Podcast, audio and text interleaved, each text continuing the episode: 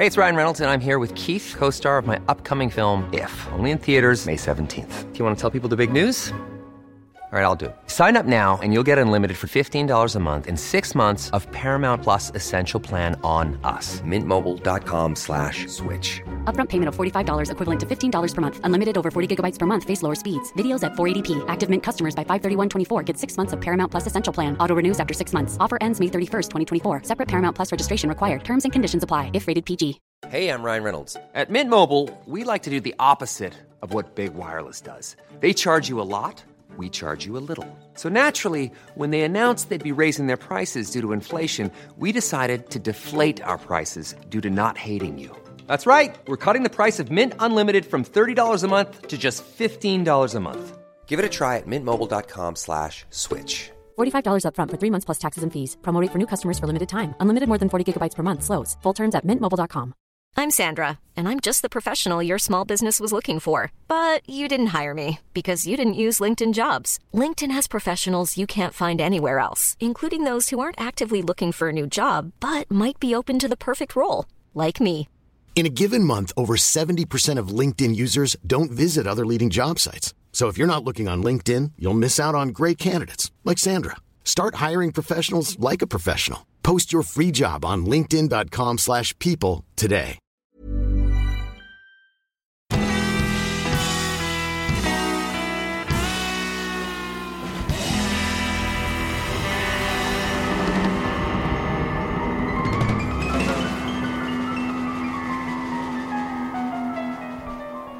Hej allihopa och välkomna tillbaka till ett nytt avsnitt av Ståpäls. Och det är ju som vanligt jag Lukas. Och jag, Ida. Mm. Mm. Och jag är nyss hemkommen från mitt arbete. Ja, hur har det varit? Jo då, det har väl gått bra tycker jag. Fullt upp som vanligt. Eh, imorgon ska vi ha en städdag. Så vi ska vara ute hela kul. dagen och städa eh, förråd och gård och få grilla korv och bröd och ja. Ja. Så det blir nog mysigt men eh, Ja. Ja, nej men det är, det är som vanligt.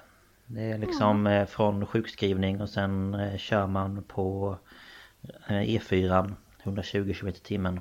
Tills man ja, men lite så. kraschar någonstans.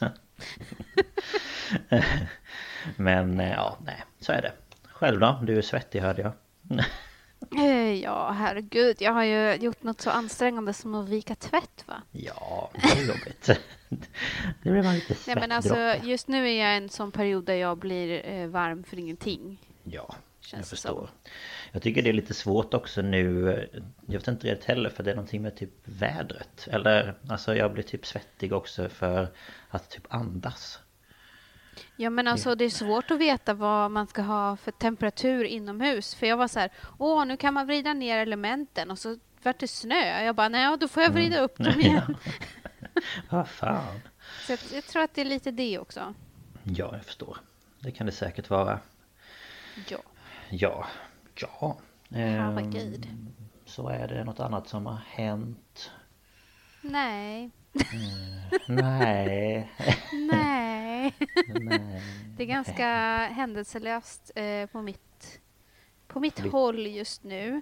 Jag förstår. Eh, jag tror Ja. att det är så för de flesta. Det är ju Jo, det är Mm. ju det. ökade... Eh, de önskar ju nu i regionen där vi bor, Region Uppsala, att vi ska sätta oss i personlig karantän Mm, jag vet. Och för att minska smittan.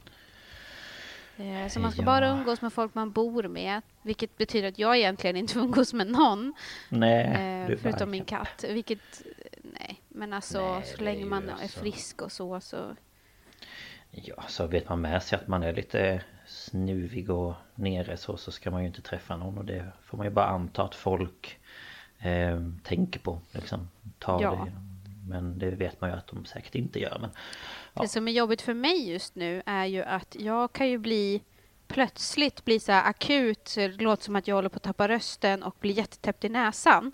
Mm. Så folk så här ger mig stink eyes. Och man bara, nej alltså förlåt, jag är jätteallergisk mot pollen. ja, jag är inte roligt nu. förkyld. Ja, fy fasen, pollen. Eh, för mig har det varit helt okej. Jag har känt av lite. Men eh, det kommer inte alltså, vara roligt. Jag eh, hade öppet lite förut idag. Mm. Eh, för att få in lite syre tänkte jag. Men jag fick nog in mer än syre för jag fick eh, springa och ta nässpray. nej men gud. Så att, nej, men det är en eh, fantastisk period att vara pollenallergisk. Mm. Det var ju samma förra våren och sommaren också. Mm. När allt det här började. Ja, man gick och så nös man och folk bara bara, nej, förlåt. De klipper gräset här borta. Det... Va, vad gör du? Sitter du här och nyser? Ja, nej, men... Ja, äm, nej, det är ja. jobbigt. Det är ju, det jag kan, kan tycka är lite svårt också för att när man har gått in på typ så här olika sidor och läst lite om eh, det här med pollengrejen att då ska man typ stanna hemma några dagar och ta pollenmedicin och om det försvinner då kan man återgå till arbete. Men man mm. bara jaha men om jag vet med mig att det är pollen från början då. Alltså då behöver jag ju inte Det är ju jätteonödigt att stanna hemma bara för att man vet att det är pollenallergi. Ja, jag vet inte. Ja, precis. Ja, ja. nej. Ja, Men ja, så kan det vara. Vi får alla göra vårt bästa, tänker jag i alla fall. Ja, vi pratade lite på jobbet om det idag. Man får väl vara glad om man får vaccin till jul kanske. Ja. Eller något sånt. Ja, alltså Men... vi två är ju bland de som kommer få det sist. Ja, det tror jag Eftersom vi är säkert. relativt unga. Och friska. Och, Nej, och friska. Inom parentes. Ja. Situationstecken. Um, ja, nej. Så vi får väl se. Ja. Men... Men eh... Ska vi köra igång? ja, så ni kanske märker att vi sitter inte med bredvid varandra och spelar in. Så vi Nej, ser det... inte varandra, vi bara har varandra i telefon och då blir det liksom så här... Ska vi? Men vi kanske skulle påminna om vad det är för ämne idag. Ja, jag tänkte precis säga det. Vi kanske får eh, berätta det. Ja, ja. vill du eh, Ja, jag kan... Eh, ja, det blir lite mystiska händelser. Eh, och eh, vi har väl eh, valt lite olika den här gången. Ehm, ja. Ehm, och ehm, ja, jag tänker inte säga så mycket men jag ska i alla fall börja idag så ni får alldeles strax ja. veta. Ja, nej men jag tycker att vi hoppar in i det direkt. Mm, då gör vi så. Ja.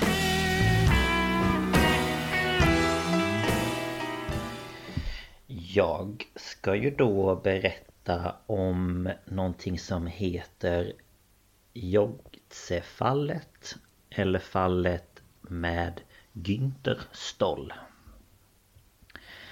Um, det är och, ingenting som ringer en klocka så här Nej, jag hade inte hört någonting om detta vad jag kan liksom minnas. Uh, men jag tänker jag drar mina källor först. Uh, jag har uh, varit inne på en sida som heter darkids.net och då är det en artikel om det här fallet.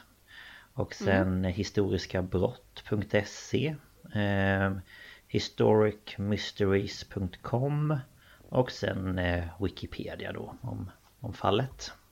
Mm. Och eh, vi eh, är då på den 25 oktober 1984 eh, ungefär klockan tre på natten och då hittar två lastbilschaufförer en kraschad bil i ett dike vid Autobahn A45 nära avfarten till Hagen Syd i Tyskland. Mm. Och eh, de båda lastbilarna de stannade och förarna satte igång sina varningsblinkers ja, för att varna de andra mm. bilisterna. Mm. Um, och uh, det sägs då att uh, de här båda chaufförerna de kände att det var något som inte verkade stämma. Uh, men de kände också att de liksom var tvungna att undersöka bilen. Um, så de tog med sig en varsin ficklampa för att ja, kunna lysa upp och se bättre vad som hade hänt. Mm.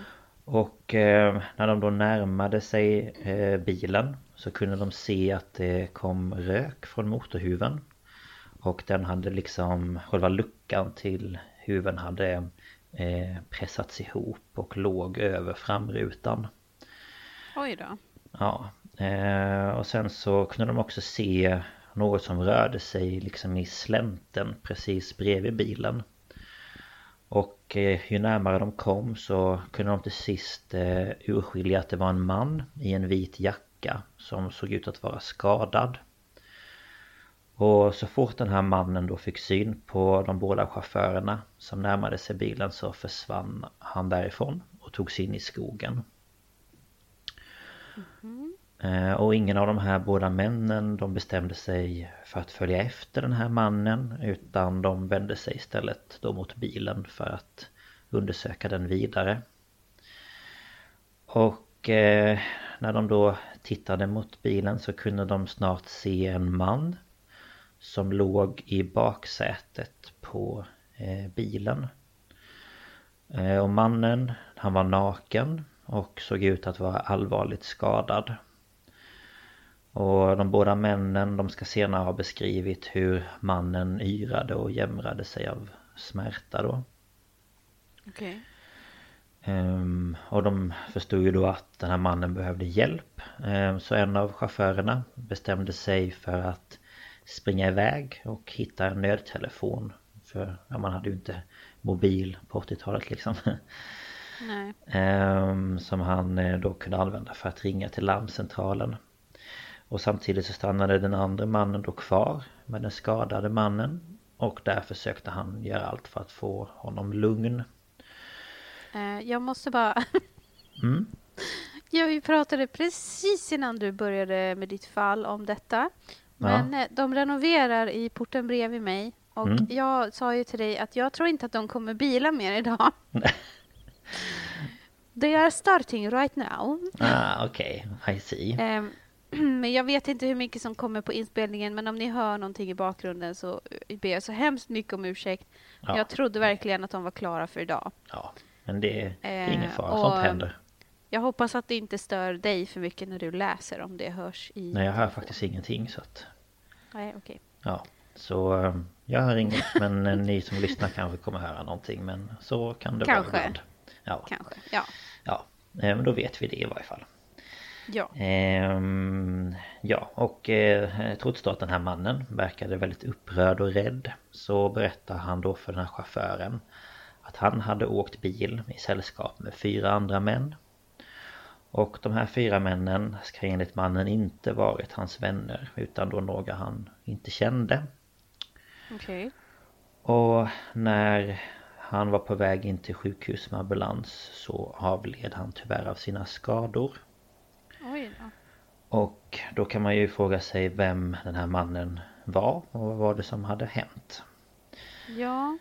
Ehm, och mannen var den då 34-åriga Günther Stoll som bodde tillsammans med sin fru och sin dotter i en liten by vid namn Anshausen i Tyskland. Mm. Ehm, och Günther hade en tid innan då den 25 oktober 1984 eh, förlorat sitt jobb som livsmedelsingenjör på en stor firma som han arbetat vid sedan han studerade och eh, det här då hade ju gjort att ja, hans liv hade förändrats ekonomiskt och ja, allt sådär. Ja, det förstår man ju. Ja. Och eh, då arbetet var väldigt viktigt för honom ehm, och då han nu inte hade detta kvar så blev han mer och mer eh, lätt irriterad över saker. Mm. Och det gick då såklart ut över hans familj och främst hans fru. Som eh, upplevde att hon liksom började behöva tassa på tå liksom runt honom. Mm. Och till slut så ska den här situationen ha blivit så ohållbar så hans fru valde därför att ja, prata med honom och berätta hur hon kände sig. Ja. Ehm, och Günther ska då ha blivit väldigt upprörd och rusat ut ur huset. För att sedan efter en stund komma tillbaka igen. Och när han då kom tillbaka så berättade han för sin fru att han var förföljd. Okej. Okay. Ja. Och han berättade att han inte visste vilka de här mystiska männen var som förföljde, eh, eller som följde efter honom. Och han visste inte heller varför de följde efter honom. Eh, men han menade på att det hade varit så under en lång tid. Och det var därför eh, menade han då att han hade betett sig som han hade gjort. Mm. Eh, och hans fru eh, lyssnade då på vad han hade att säga och var osäker på ja, vad hon skulle göra med den informationen. Ja, eh, det förstår man ju. ja. Men eh, hon eh, fick då honom till slut att eh, söka hjälp. Eh, så han träffade en psykolog och psykiatriker och ja, där berättade han då vad han hade upplevt och vad han, eh, att han kände sig förföljd och så. Och efter flera samtal och då en utredning så kom det fram till att han förmodligen var paranoid. Mm. Ehm, ja, och tiden gick och eh, frun då upplevde att Günther blev mer och mer nervös av sig. Och på grund av det så ville hon inte ja, prata med honom så hon började undvika honom liksom. Um, och nu är vi då framme vid den 25 oktober. Och uh, Günthers fru ska den kvällen ha suttit i vardagsrummet och kollat på TV. Eh, Günther själv befann sig då i köket och gick fram och tillbaka. Eh, alltså genom köket och vardagsrummet. Mm. Eh, och tittade då och då ut genom köksfönstret. Precis som att han då var orolig för att det skulle vara någon där ute. Ja, det låter ju verkligen som eh, sån här, vad heter det, schizofren paranoia eller vad heter det? Mm, ja men typ något sånt. Att han, ja. Um, det måste ju ha varit något som utlöstes av den här stressen då med, med jobb och... Ja men precis och man vet ju som sagt fortfarande inte eftersom det här är ett mysterium. eh, ja vad, såklart. Vad det var som ledde till hela grejen. Mm. Men eh, ja, när han är där i köket i varje fall så blir det plötsligt helt tyst ute i köket. Och det här oroade ju då hans fru som försiktigt tittade in i köket. Och då såg hon Günther stå lutad över köksbänken och skrev någonting på en lapp. Och plötsligt så ska han då ha utropat äntligen, jag har det. Mm. Um, och en stund senare så ska han ha tagit bilnycklarna och gått in i vardagsrummet där han då berättade för sin fru att hon inte behövde vara orolig. Utan att han skulle bara ta bilen ner till värdshuset för att ta sig en öl och sen köra en liten runda. Och då tänker jag mig att han kanske skulle skingra tankarna lite liksom. Jag ska ta en öl och köra en runda. Kan du inte köra en runda och sen ta en öl? Nej, du vet... Eh, jag gillar inte ordningen han valde där. Nej, ja. nej det blir lite, lite fel. ehm, och efter att han då kört iväg så hittade hon en lapp då på diskbänken. Där det stod ordet, eller ja, bokstäverna Y-O-G apostrof T-Z-E. Eller mm. Y-O-6 apostrof T-Z-E. Okej. Okay. Mm. Um, det låter ju nästan som en nummerplåt eller någonting. En registreringsnummer på en bil. Precis. Men jag vet inte hur de ser ut i Tyskland i och för sig. Nej, jag har inte heller helt hundra faktiskt. Men eh, ja, eh, jag kommer komma till lite olika teorier senare. Men så strax efter klockan 11 på kvällen så kom Günther in på sitt favoritvärdshus hemma i Anshausen. Eh, och den här kvällen så ska det inte ha varit många gäster där utan ja, bara stamkunderna liksom. Och mm. eh, Günther ska ha beställt en öl och eh, satte sig sedan i båset närmast dörren. Och den här byn då eller ja staden kanske man inte ens kan säga det var inte särskilt stort utan det hade bara några tusen invånare. Så alla kände alla. Och det betyder ju då att de som var inne på värdshuset visste vem Günther var och att han den senaste tiden blivit inom situationstecken lite tokig. Mm. Um, och här är det lite olika uppgifter. För vissa säger att efter att han knappt hade druckit halva sin öl så ska han ha ställt sig upp hastigt och sett förvirrad ut. Och när han då ska ha stått vid sitt bord så ska han ha vinglat till och plötsligt ramlat ihop. Men vissa menar på att han inte hade rört sin öl alls. Så det är lite olika uppgifter där från sida till sida. Mm -hmm. mm. Ehm, och de andra gästerna då, de ska ha eh, sprungit fram för att hjälpa honom och efter ett tag så kvicknade han till. Och gästerna de upplevde honom som väldigt rastlös och han hade inte tid att sitta still eller dricka upp sin öl. Så plötsligt så bestämmer han sig för att ja, gå därifrån och han är ju väldigt vinglig och liksom så eftersom han precis har eh, svimmat av. Ja. Ehm, men det är ingen som då försökte stoppa honom. Ehm, och det var ingen som sa någonting heller. Men ja, många då i efterhand tyckte ju att det här var väldigt märkligt. Men det, det där... Varför, om någon ramlar ihop, mm. varför kollar ingen då liksom, oj, behöver du sjukvård eller? Nej, jag vet inte. Nej, de, de, de, ja, jag vet inte, de gick väl fram och såg till så att han kvicknade till. Men sen då om han skulle gå därifrån då hade man ju så här, fast är det verkligen smart? Du kanske borde vänta lite eller be någon komma och hämta upp dig eller Ja men det är så här, ursäkta ska du köra nu? Ja, när du precis har svimmat liksom.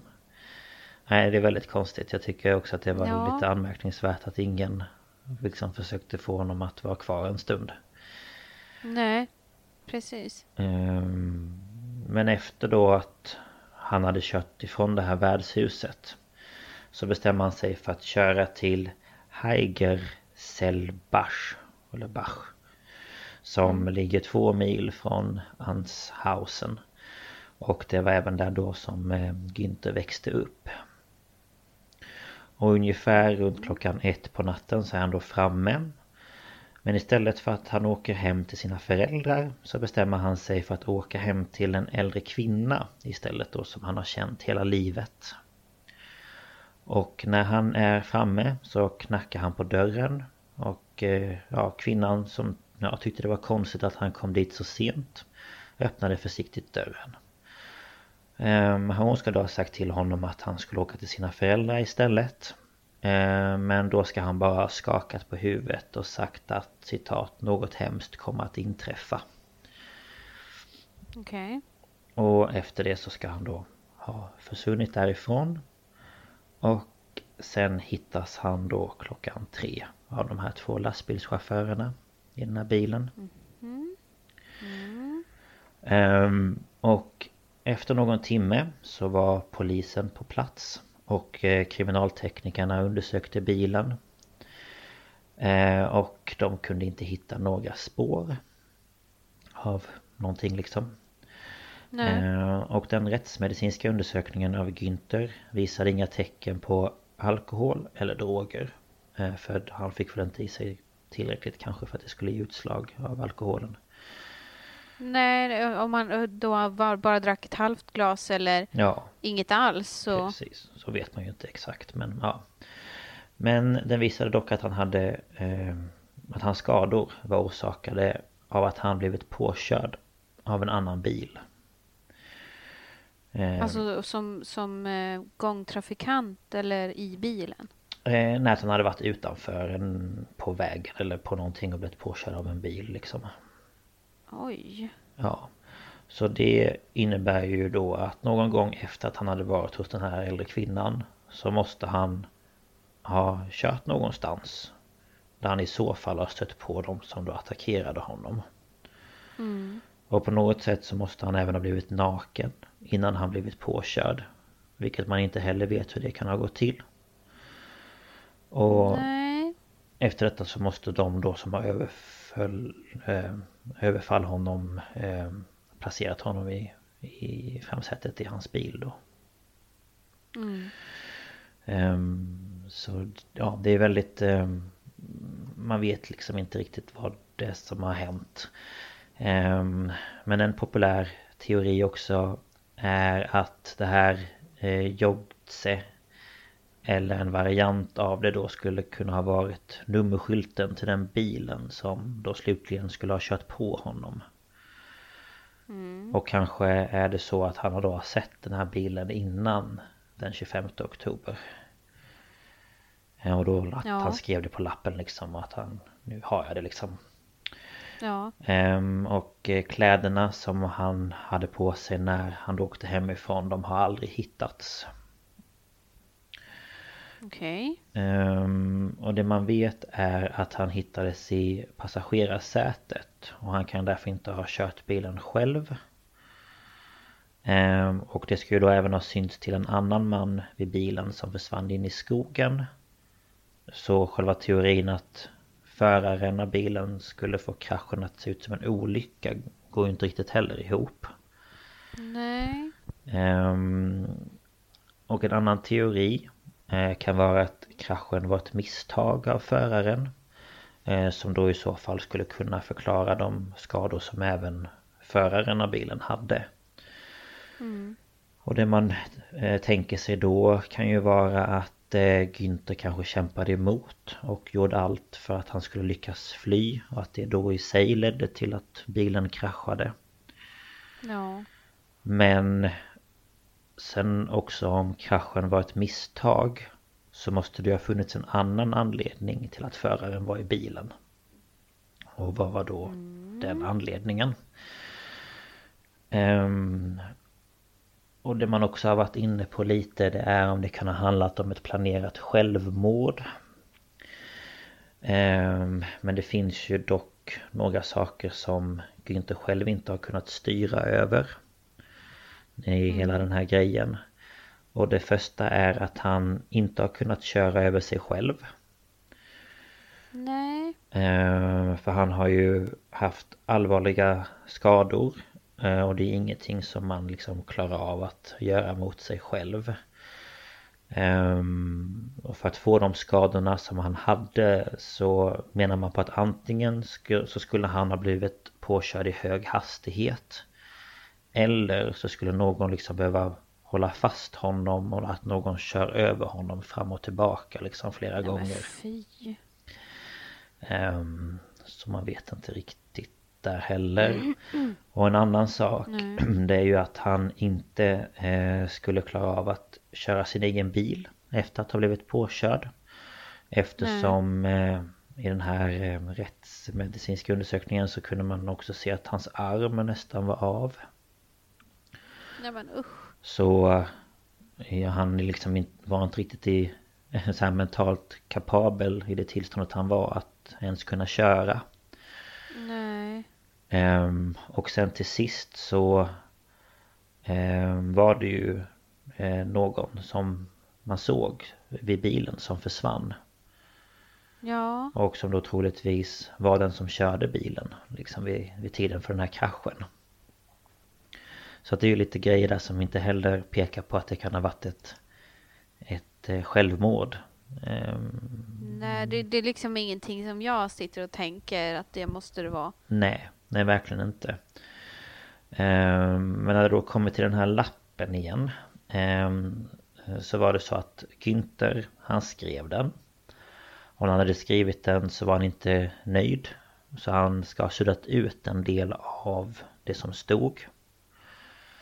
Vilket innebär att när hans fru då skulle skriva av det hon sett på lappen eh, och liksom ge till polisen att det var det här jag såg som stod så är man inte helt säker på att den här apostrofen mellan G1 och T1 eller om det nu är ett komma om man vänder på alltihopa att det var där från början. Okej. Eh, och det innebär ju också att vi kommer aldrig kunna få se den här originallappen för den finns ju inte längre, tyvärr.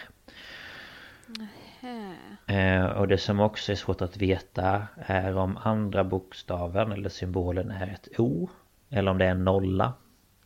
Och samma sak gäller G1 för det, kan, det ser ut som en sexa. Och om man då vänder på lappen så blir det siffror istället. Och då eh, lyder det 027,906.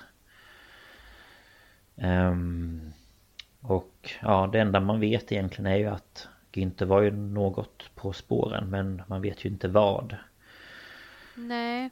Ehm, och ehm, sen det första världskriget så har ju även sådana här amatörradio, ja, människor eh, talat om talat om sådana här konstiga sändningar på olika frekvenser som inte används av stora radiokanaler.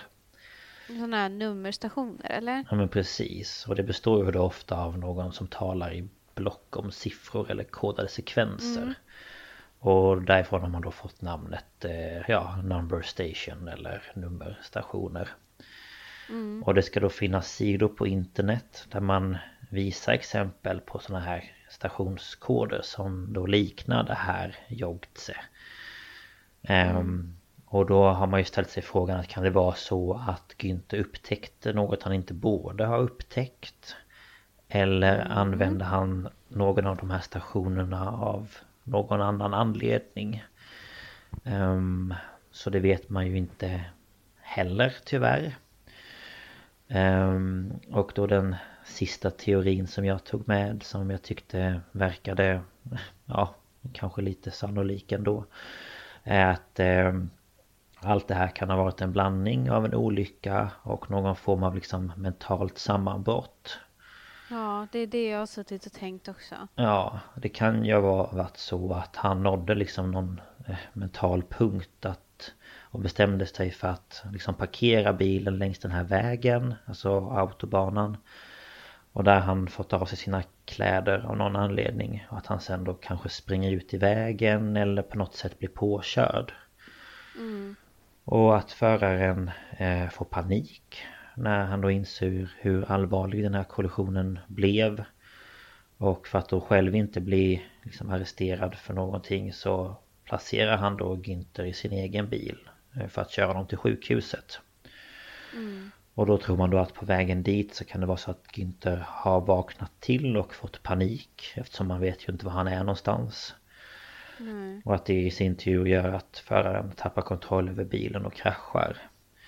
Mm. Um, och um, då ska då föraren ha tagit sig ut ur bilen och sprungit iväg och uh, sen hoppat in i den bilen som um, han själv körde i liksom. Uh, och att det då mm. kanske har suttit tre andra personer i den bilen och då innebär det ju att det har varit fyra män.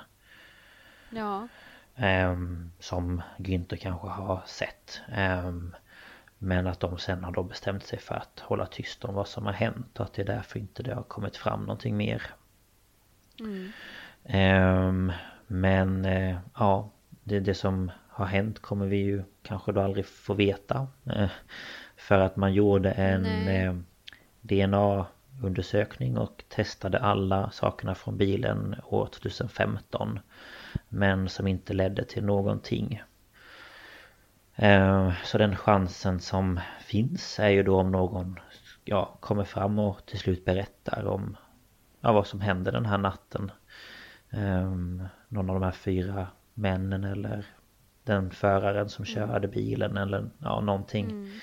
Mm. Um, så för det är ingen annan som vet vad som kan ha, kan ha hänt. Um, Nej. Alltså jag satt och tänkte under tiden du berättade och när det kom fram liksom det här med att han var naken och han var påkörd. Då mm. tänkte ju jag att han fick ju någon slags ångestattack där på, på den här värdshuset. Mm. Eh, åker därifrån och sen att han typ ja, men fick en psykos. Mm. Och, och klädde av sig och liksom... Ja. Och sen att de här männen typ... Ja, men jag tänker att de ser en man som uppenbarligen inte mår bra och, och utnyttjar honom liksom. Mm. Ja, det enda som jag liksom blir lite så här... Det är alla de här... Allting som ledde upp till den här dagen. Att det är ju lite...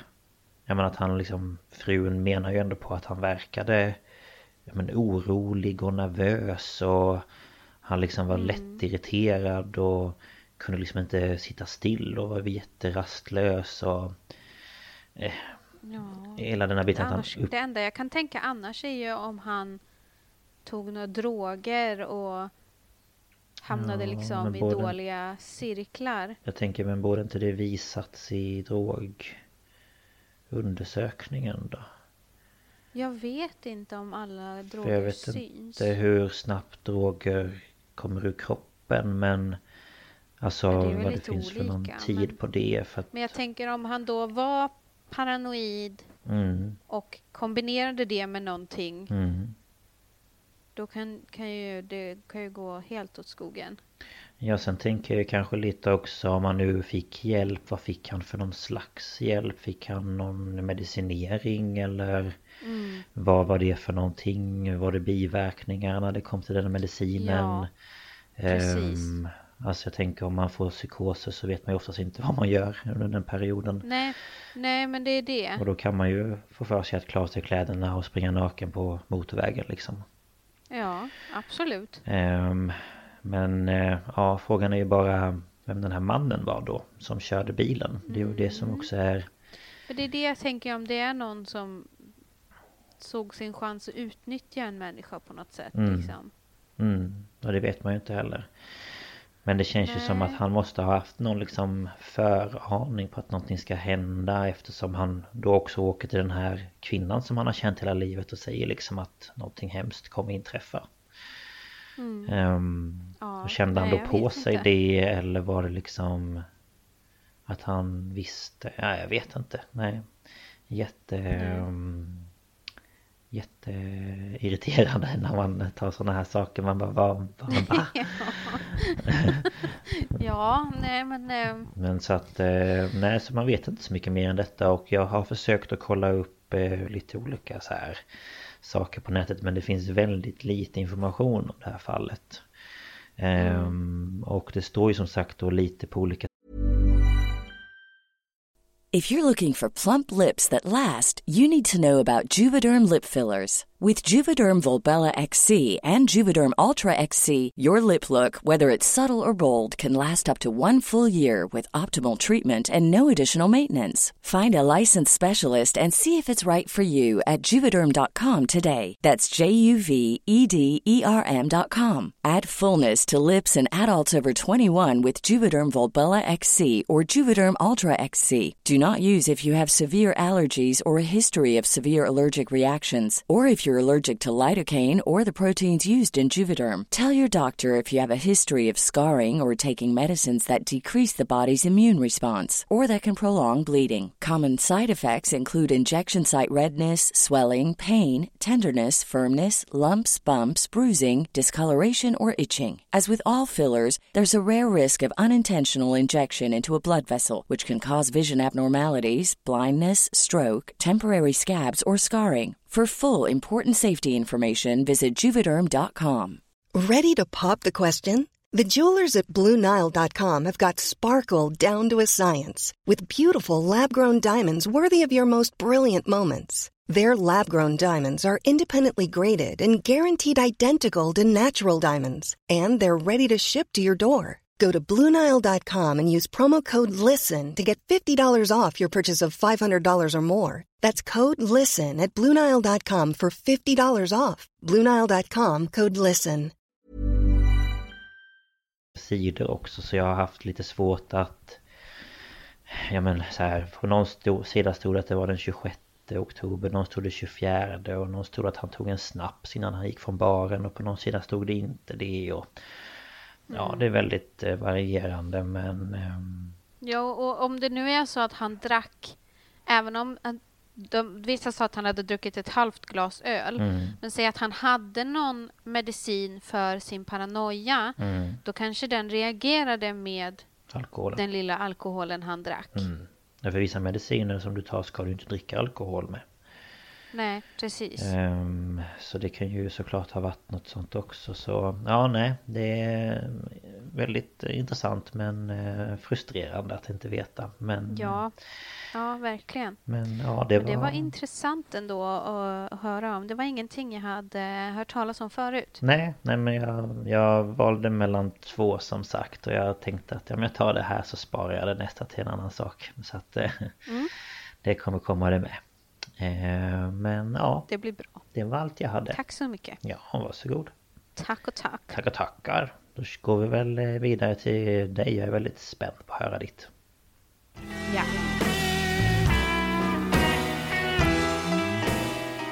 Um, mitt som jag ska ta är mm. uh, ingen liksom mystisk händelse. Det vill säga att det liksom är som ditt som att det är en så här. Det var en man som dök upp ingenstans. Man vet inte vad han heter. Han vet inte vad han heter. Alltså det är Nej. inget sånt. Eh, utan det är liksom hela det här området är en mystisk plats kan man väl säga. Mm. Jag förstår. För jag ska prata om Nazca-linjerna i Peru. Mm. Spännande. Mm. Eh, mina källor är Wikipedia, för där kollar man upp allt. Allt. eh, och sen har vi eh, history.com. Det är alltså eh, samma som History Channel, fast deras eh, artikel, ah, okay. hemsida. Eh, sen har vi eh, nationalgeographic.com. Sen har vi vhcunesco.org. Mm. Och en eh, vad heter det? dokumentär heter det. Eh, som heter Digging for the Truth. Eh, säsong 1, mm. episod 9, Secrets of the Nazca Lines. Och den här sändes på History Channel. Mm. Så, ja. Intressant. Intressant. Um, de här Nazca-linjerna det är ett samlingsnamn för ett stort antal geoglyfer som finns i ett ökenområde som omfattar 450 kvadratkilometer nära den peruanska kusten, cirka 40 mil söder om Lima, mellan städerna Nazca och Palpa. Mm -hmm. mm. Och en geoglyf är en större figur eller ett större konstverk som är placerat på marken och konstruerat av naturmaterial. Och vanligen är de större än fyra meter och skapade i avsikt att ses från långt avstånd. Okej. Okay. Um, en geoglyf kan exempelvis konstrueras genom att man arrangerar stenar eller annat material och det är en positiv geoglyf, alltså den sticker ju upp från marken. Ah, ja. Mm. Och sen kan man också göra det genom att ta bort växtlighet som gör att ett underlag av en annan färg framträder och då blir det en ne eh, negativ geoglyf. Mm. Eh, så om du tar Stonehenge som är stenar placerade eh, så är det en positiv geoglyf. Och okay. de här mm. är då en negativ geoglyf, de här linjerna. Mm. Man kan också tänka att typ såna här uh, crop circles, det är lite samma ja. sak. Ja, sådana som är ute på fälten, majsfälten ja, typ. precis. Ja, okej. Okay. Um, yes. Jag vill bara förklara liksom vad det här ordet mm. geoglyf var för något. mm, ja, det är viktigt. Eh, den höga torra platån där de här geoglyferna finns sträcker sig mer än 80 kilometer mellan städerna Nazca och, Pal eh, Nazca och Palpa på Pampas de Humana. Okej. Okay. Eh, Pampas är, är ju en slags... det är inte en öken, men det är ett väldigt platt landskap. Okej. Okay. Mm. och huvudkoncentrationen av de här mönstren är i en rektangel på 10 gånger 4 kilometer. Och det är precis söder om den lilla byn San Miguel de la Pascana. Mm. Och i det här huvudkoncentrerade området så syns de mest anmärkningsvärda av figurerna. så vilka skapade de här då? Det är eh, Nazca-folket. Det är därför de kallas för Nazca-linjerna. Och de mm. bodde i området mellan 300 före Kristus och omkring 800 år efter Kristus. Det är alltså, det här är innan Inka, som kanske fler känner till än Nazca. Ja, Inka-folket känner man ju ja, igen. Det här är liksom innan Inka-folket. Mm -hmm. Så det, det, är en väldigt gammal kultur. Spännande. Eh, och den här, eh, det här folket skapade också den ceremoniella staden Kawachi som ligger väster om Nazca, alltså inte långt ifrån de här linjerna. De byggde också väldigt imponerande system av underjordiska akvedukter som fungerar och används än idag. Alltså akvedukter är ju ett sätt att leda vatten från ett område där det finns vatten till ett område där det inte finns vatten. Mm, det kan ju vara både i jorden, som alltså avloppssystem fast för friskt vatten. Ja, ja. Mm. Eller som... Eh, det var väl romarna som har gjort mycket såna här som går över marken. Ja, ja men precis. Det stämmer. Eh, och de här eh, de eh, används fortfarande idag. Och folk alltså går ner där och rensar bort ifrån ja, men, sjögräs och annat som liksom täpper till. Och de är liksom gjorda så att de har byggt upp stenar så det är jättefina tunnlar. Och så med jämna mellanrum så är det liksom hål för att man ska kunna komma ner då och köra underhåll. Och de är liksom spiral, det är som en spiral så att du kan gå ner. Mm. Och, och allt det här är liksom, det är så gammalt. Mm. Det är ingenting, de har inte liksom lagt till någonting på de här utan de bara underhåller dem. Jaha. Häftigt. Ja, det, är- alltså det är fantastiskt. Eh, några av de här figurerna eh, som eh, eh, de här linjerna är, är en spindel, en kolibri, en kondor, det är alltså en stor fågel, en hund, en val, en ödla, en papegoja, en pelikan, en häger som också är en fågel, en jätte, händer, träd och blommor. Jaha. Eh, och eh, nu kommer jag, jag kommer komma till liksom hur de är gjorda. Jag tänkte jag tar lite så här historia först. Mm. Den första som skrev om de här linjerna var en conquistador, alltså en, en eh, erövrare, som hette Mm. Pedro César de Leon. Och det här var år 1553 och han trodde att det här var någon slags spårmarkörer, alltså det är liksom så här eh, för att visa vägen till någonting. Okej. Ehm, och år 1586 så rapporterade Louis Monzon att han hade sett forntida ruiner i Peru inklusive resterna av vad han trodde då var vägar. Så vi har spårmarkör och vägar.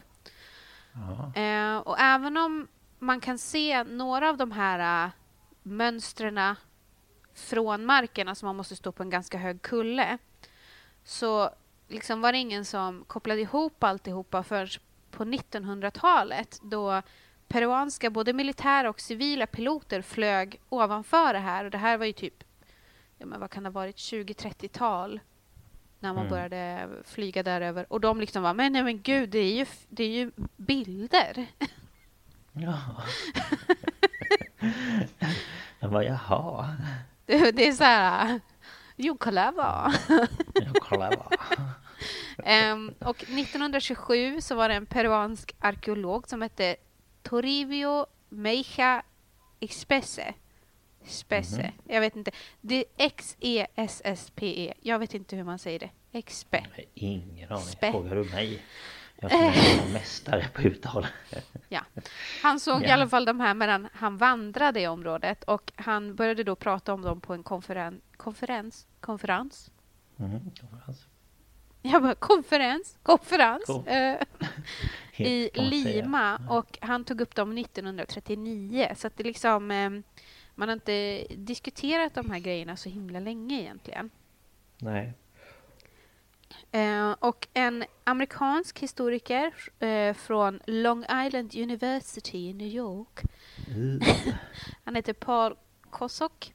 Han krediteras som en av de första forskarna som studerar de här Nazca-linjerna liksom på djupet. No pun intended. Ehm, På djupet. på djupet. Eh, medan han var i Peru 1940 till 1941 eh, för att studera forntida bevattningssystem så flög han över det här eh, området och insåg att han såg linjer i form av en fågel. Mm. Och en annan slump, ob, eh, slump obver, ob, Vad skulle du säga sa du? observation Ja, precis. slumpobservation Ja. hjälpte honom att se hur linjer möttes vid horisonten vid vintersolståndet på södra halvklotet. Mhm. Och han började då studera hur de här linjerna kunde ha skapats och då vad deras syfte var. Och han fick sällskap från arkeologen Richard P. Schadel från USA och Maria Reich, en tysk matematiker och arkeolog från Lima. Och tillsammans skulle de liksom då eh, ta reda på vad, vad var syftet med de här linjerna. Eh, Okej. och de föreslog att figurerna formades som astronomiska markörer i horisonten för att visa var solen och andra liksom himlakroppar steg under betydande datum. Det här är ju, man tänker, man pratar om Maya-kalender och det är väldigt mycket så. Mm. Mm. Eh, och en eh, amerikansk utredare av det paranormala, eh, religiösa artefakter och folkmysterier. Han hette Joe Nickel. Han reproducerade de här figurerna i början av 2000-talet genom att använda samma verktyg och teknik eh, som skulle ha varit tillgänglig för de här, de här människorna. Eh, och eh, han eh, gjorde... Eh, det gick relativt fort. Han hade ett team. Och trots storleken på alla de här figurerna så kunde man skapa en på mindre än 48 timmar. Mm -hmm. och liksom, ja, de, de såg liksom lika ut. Jaha. Och eh, genom att göra det här så motvita, mot... Men gud, varför kan jag inte prata? Han inte. motbevisade en hypotes från 1969 som en man som hette Erich von Däniken kom med. Mm -hmm. eh, och eh, han är ju en känd figur för om, de som har tittat på tv-serien Ancient Aliens. Mm. Eh, det är alltså ja, den här ja. äldre mannen med vitt kort hår. Eh, mm. Han eh, är ju väldigt bestämd vid att det har varit forntida astronauter som har konstruerat de här verken. Och han menar också att vissa av figurerna är landningsbanor och så vidare. Mm, Okej. Okay. Men det här är ju mm, ja. då motbevisat av Joe eftersom han visade att man kunde göra det här med väldigt primitiva verktyg. Mm, så. Okay. Jag bara... Jag vet inte om jag kan hålla med om nej, detta. Men, nej men alltså den här karln, alltså, han menar ju att eh, pyramiderna det är ju det är ju utomjordingar som har gjort dem och gudarna, ja. Tor och, och alla dem, det var ju aliens med laserpistoler och okej visst. Mm. Nej, det är Nej. ett fantastiskt program om man vill ha lite underhållning. Ja, det kan jag tänka mig. ja. eh, hur, hur eh, bildas då de här linjerna? Jo, de flesta är då som ett grunt dike på ett djup mellan 10 och 15 centimeter eller 4 till 6 tum. Mm. Och de här dikena gjordes genom att då man plockade bort eh, vad ska man säga, skorpan. Ja. Som är, eh, den, den är rödbrun, så här järnoxidbelagd eh, yta av småsten. Och det täcker hela Nazcaöknen. Och när man, när man skrapar bort det och, och tar det här bara någon decimeter så blir en ljus lerajord istället som syns. Och det blir ju en mm. väldig kontrast då mot det här röda och så en ljus mm. eh, jord som, som då... Ja, jag vet inte vad jag försöker... Det känns som jag bara upprepar mig själv. det var vad jag ska säga. Ja, men det blir men ju i alla fall, en kontrast. Ja, men det här ger ju väldigt synliga linjer då. Mm. Och eh, det här ljusa underlaget innehåller stora mängder kalk. Och när då på morgonen när det blir sånt här dagg då eh, fuktar ju det upp det här kalken och sen när det blir varmt så blir det som en skorpa. Ah. Och det här sker ju varje dag. Alltså, Aha. och det här gör ju då att de här linjerna de har inte blivit rubbade på alla de här åren just för att det har blivit en skorpa. Mm. Och då, då kan inte vinden liksom hålla på blåsa iväg lite i taget för att det liksom är ju är ju skyddat. Mm. Ja, precis. Eh, man har mätt några av de här figurerna eh, och eh, kolibrin är 93 meter lång. Oj. Kondoren, det, eh, det är ju inte det... Nej, kondoren. Är inte det ja. typ världens största fågel? Det Den har väl en vingspann på jag vet inte hur mycket. Eh, den är i alla fall 134 meter lång. Och allt det här, alltså de här linjerna är så raka. Mm. Ja, Sen så har vi apan. Den är 93 gånger 58 meter och spindeln 47 meter. Oj, det är Så mycket. det är liksom inga små grejer. Nej, nej verkligen inte. Hmm, ja. Så att alltså, men men som vi har sett då bara i, i Egypten och allt det här att underskatta mm. inte forntidens ingenjörer. Alltså det är... Herregud, nej. Det, de kunde sin sak. Eh, ja. Ja. Ehm, ja. Och som sagt, så de här eh, hålls ju bevarade på grund av det här med kalken i marken och sen är det extremt torrt och den lilla vind som är då klarar inte av att liksom blåsa bort det här. Ehm, och det här är en av de torraste eh, öknarna på jorden och temperaturen är minst 25 grader Celsius året om. På dagarna blir det ju jätte, jätte, jätte, jätte, jättevarmt. Men även på vintern, på natten, blir det inte kallare än 25 grader. Huh. Där hade man ju kunnat bo fast om man bara bodde där på natten. Ah, Ja, Inte på dagen. jag, jag bor bara här på natten. På dagen åker jag någon annanstans. Ja, då åker jag hem till mitt hem. Ja. Eh, I början av 2011 så upptäcktes nya figurer av ett japanskt team från Yamagata University. Eh, och en av dessa liknar eh, ett mänskligt huvud. Och det Jaha. dateras till den tidiga perioden av Nazca-kulturen eller tidigare.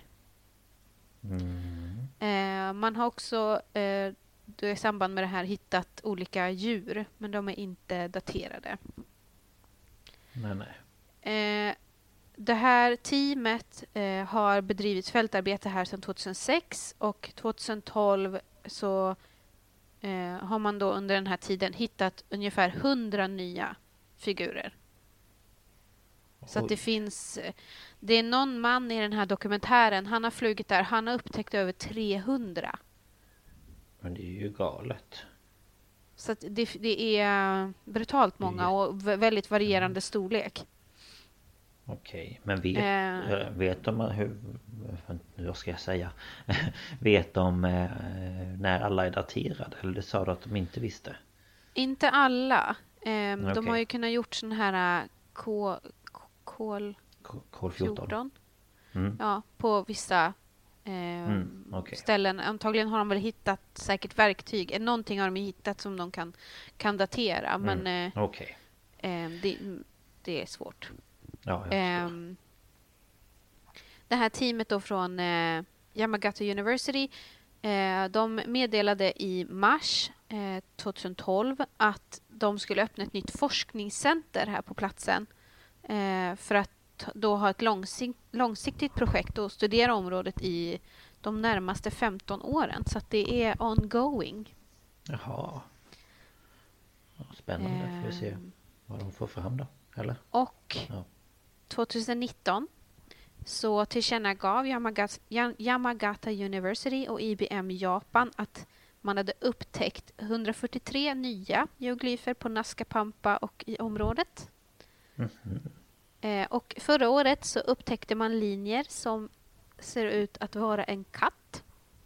Åh, katt. Eh, och eh, den här figuren är i en brant sluttning och då är det ju mer benäget för erosion eftersom då rinner ju vatten och sånt ner. Mm. Och det här kan då förklara varför man inte upptäckt den tidigare. Så att det är, det är inte liksom färdigutforskat det här området.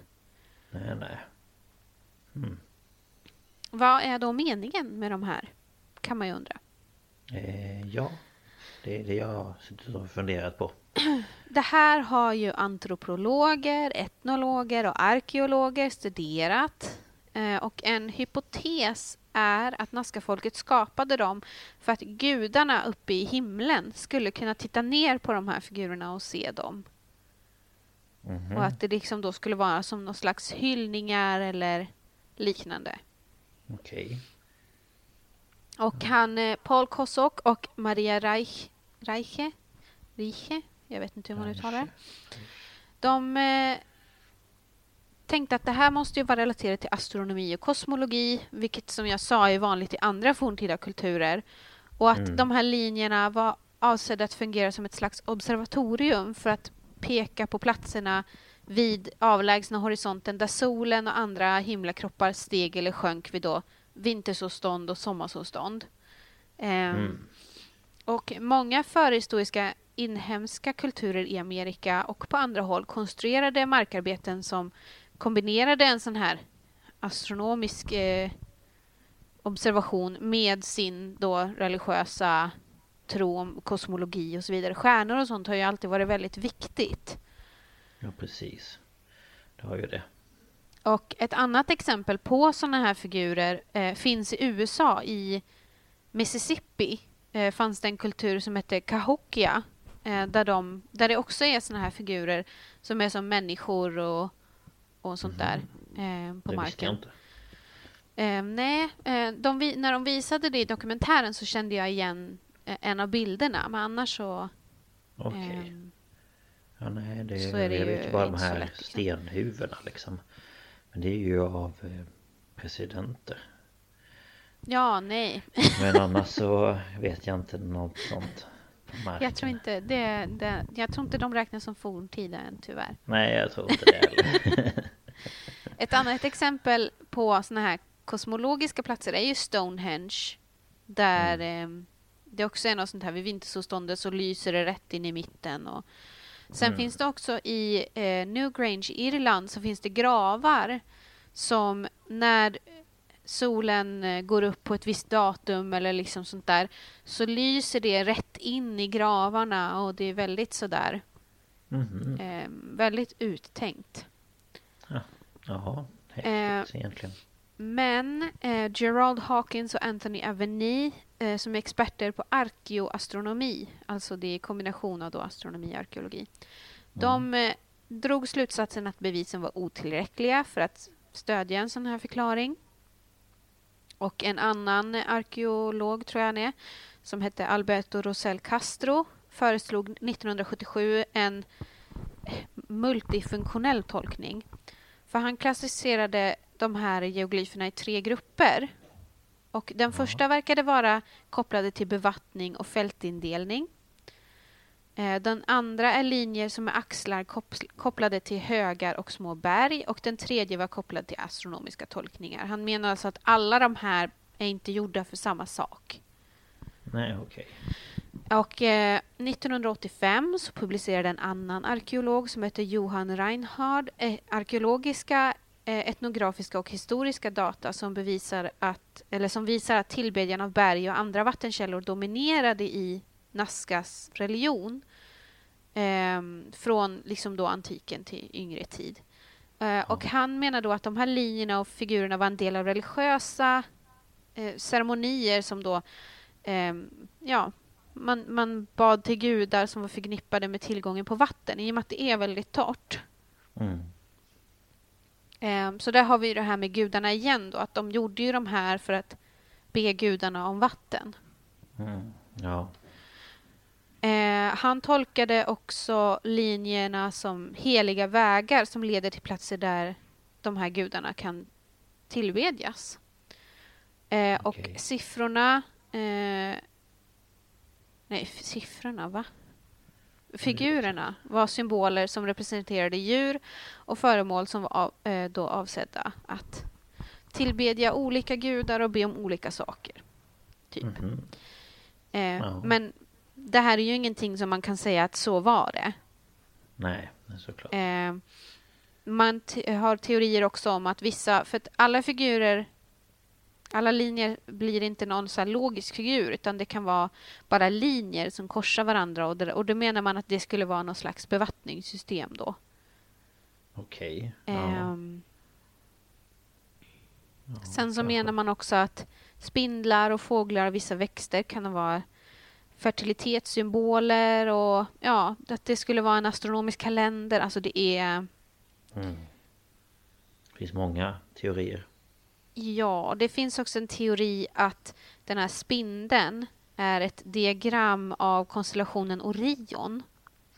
Jaha. Men eh, ja, Mm. det är mer än någonting som hon har klämt in för att det ska passa, typ. Ja men det känns som att de faller tillbaka till det, det här med, ja, med gudarna och om, Ja, men alltså eh, det, det var ju en och- så stor del i forntida kulturer och, och Ja. Ja, jag tänker det skulle ju kunna vara någon kalendergrej med olika... Ja, jag vet inte. Det ja, nej, det är jättesvårt. ja, det är väldigt svårt. Ehm, idag så är människor som vill bevara de här Nazca-linjerna oroliga över hot om förorening och erosion och de är oroliga för att den här avskogningen i regionen ska skada dem. Mm. Eftersom de är ju så pass ytliga. Ja, eh, och man är orolig för att eh, förändringar i vädret över världen ska göra att det kommer mer regn. Och för då kommer de här bli förstörda. Ja, jo. Tyvärr kommer de ju det. Ja. Eh, år 2012 så ockuperades mark i området och en kyrkogård från Nazca-eran skadades.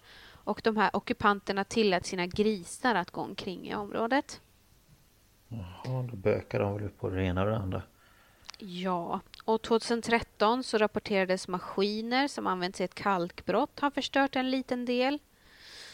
Och i december 2014 så var det en kontrovers med Greenpeace för att de eh, skulle väl protestera på den här platsen och de satte upp en sån här banner, alltså typ, men eh, inte en vimpel utan mycket större. ja, ja, ja. De eh, satte upp den här och de skadade då oavsiktligt en av de här figurerna. Eh, och de eh, meddelade såklart en ursäkt eh, efter händelsen men en av aktivisterna dömdes faktiskt för böter eh, för sin mm del i, i, skadan. Ja, men det kan man ändå förstå. Alltså det är ändå en... Ehm. Eh, ja. Ja. Eh, och det finns också figurer som har skadats av terrängfordon från Dakarrallyt som man kan mm. se från satellitbilder. Mm. Och i januari 2018 så arresterades en lastbilschaufför misstänkt för att ha skadat figurer men han släpptes senare eh, på grund av att man anser att det var inte meningen. Och han har alltså mm. skadat tre av figurerna genom att lämna betydande däckmärken på ett område på cirka 46 gånger 107 meter.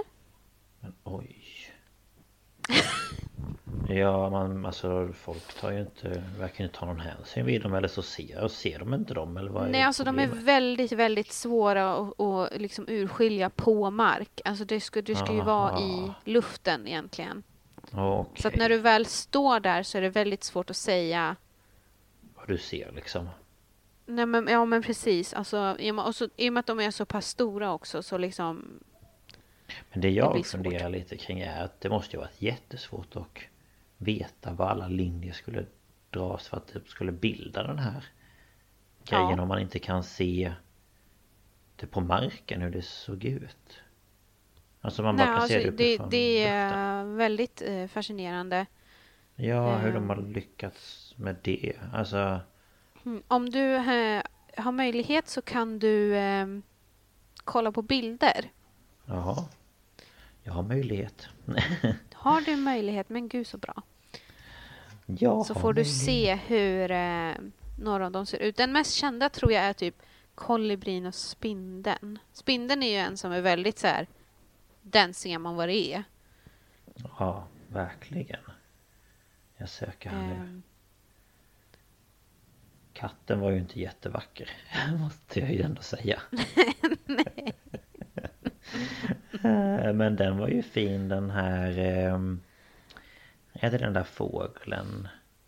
Ja men den här den långa... med jätte, jättelång näbb. Spett, ja. Det, det är ju en kolibri. Ja just ja, men hur fasiken har de kunnat göra den? Ja, jag, jag vet inte. inte. Men alltså spindeln då med alla ben och... Ja. De är ändå symmetriska. Ja, visst är de det. Och tänk Nej, då att den här spindeln är ju som en fotbollsplan. Ja.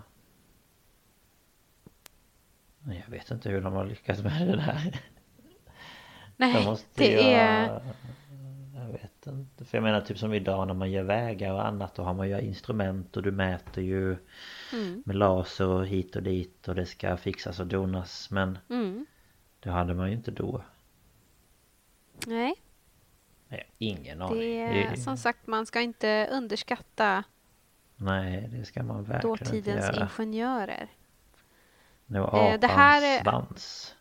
Ja, men alltså apan är ju galen. Ja. Hmm. Ja, ehm, jättehäftigt. Det får ni ja. in och kolla på. Ja, jag kan lägga upp eh, lite på vår Instagram. Kan jag. Ja, gör det. De här lades till på Unescos världsarvslista 1994. Mm. Så att de är med där. Mm. Så man, tanken är väl att man, man ska försöka skydda dem så gott det går. Mm. Men det verkar ju inte vara så jäkla lätt. Nej, jag känner det. Det är ju inte så lätt att spärra av ett sånt område heller som är flera um, kilometer långt liksom. Nej, men precis. Ja. Men det... Så det var egentligen ingen mystisk händelse så, men det är ändå... Mystik Nej. ligger ju över det. Ja men verkligen. Och jag tycker det är Mycket- minst lika spännande. Ja, men det är mycket både besvarat och obesvarat känner jag. Mm. Ja men verkligen. Kanske... Ja, vad vem vet. Det kanske kommer någon eh, riktig lösning och, över detta om några år. Ja, man vet ju aldrig vad man upptäcker. Nej, så är det ju. Men det var väldigt eh, spännande tycker jag. Jag har aldrig, aldrig hört om det. Jag har ju bara hört lite om eh, ja, men andra sådana här mm, Ja men Typ de här stenarna som flyttar sig själv i öknen och ja, lite sådana grejer. Men de har man ju kommit fram till det vad det beror på och sånt där. Så att, Ja. men det här har jag aldrig hört om så det var intressant. Det tackar jag för. Varsågod. Jag hoppas att ni som lyssnar också tyckte det var intressant. Jag är ju en sån här historienörd. Så att det... Ja. Men det är, ja, men det är, det är intressant tycker jag om att lära Ja, sig nya verkligen. saker.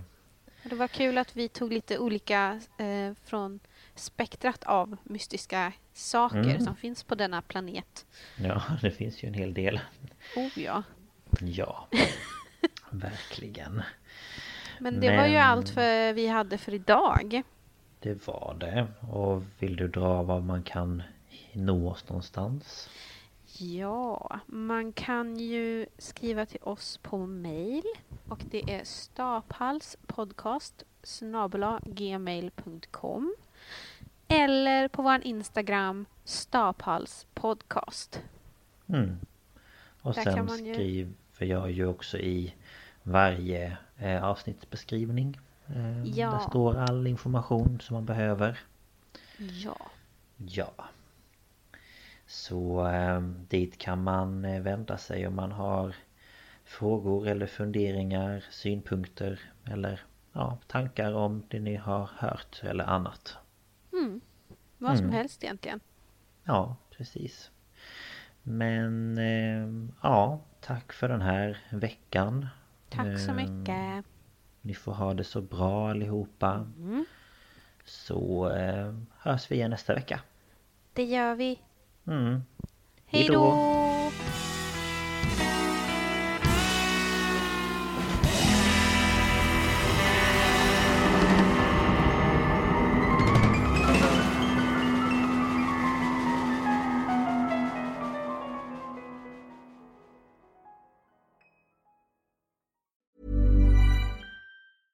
Imagine the softest sheets you've ever felt. Now imagine them getting even softer over time. That's what you'll feel with Bowl and Branch's organic cotton sheets. In a recent customer survey, 96% replied that Bowl and Branch sheets get softer with every wash. Start getting your best night's sleep in these sheets that get softer and softer for years to come. Try their sheets with a 30-night guarantee. Plus, get 15% off your first order at bowlandbranch.com. Code BUTTERY. Exclusions apply. See site for details.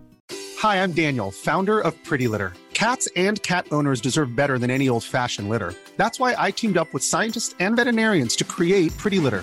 Its innovative crystal formula has superior odor control and weighs up to 80% less than clay litter. Pretty Litter even monitors health by changing colors to help detect early signs of potential illness. It's the world's smartest kitty litter. Go to prettylitter.com and use code ACAST for 20% off your first order and a free cat toy. Terms and conditions apply. See site for details. Ever catch yourself eating the same flavorless dinner three days in a row? Dreaming of something better? Well, HelloFresh is your guilt-free dream come true, baby. It's me, Kiki Palmer. Let's wake up those taste buds with hot, juicy pecan-crusted chicken or garlic butter shrimp scampi. Mm. Hello Fresh. Stop dreaming of all the delicious possibilities and dig in at HelloFresh.com. Let's get this dinner party started.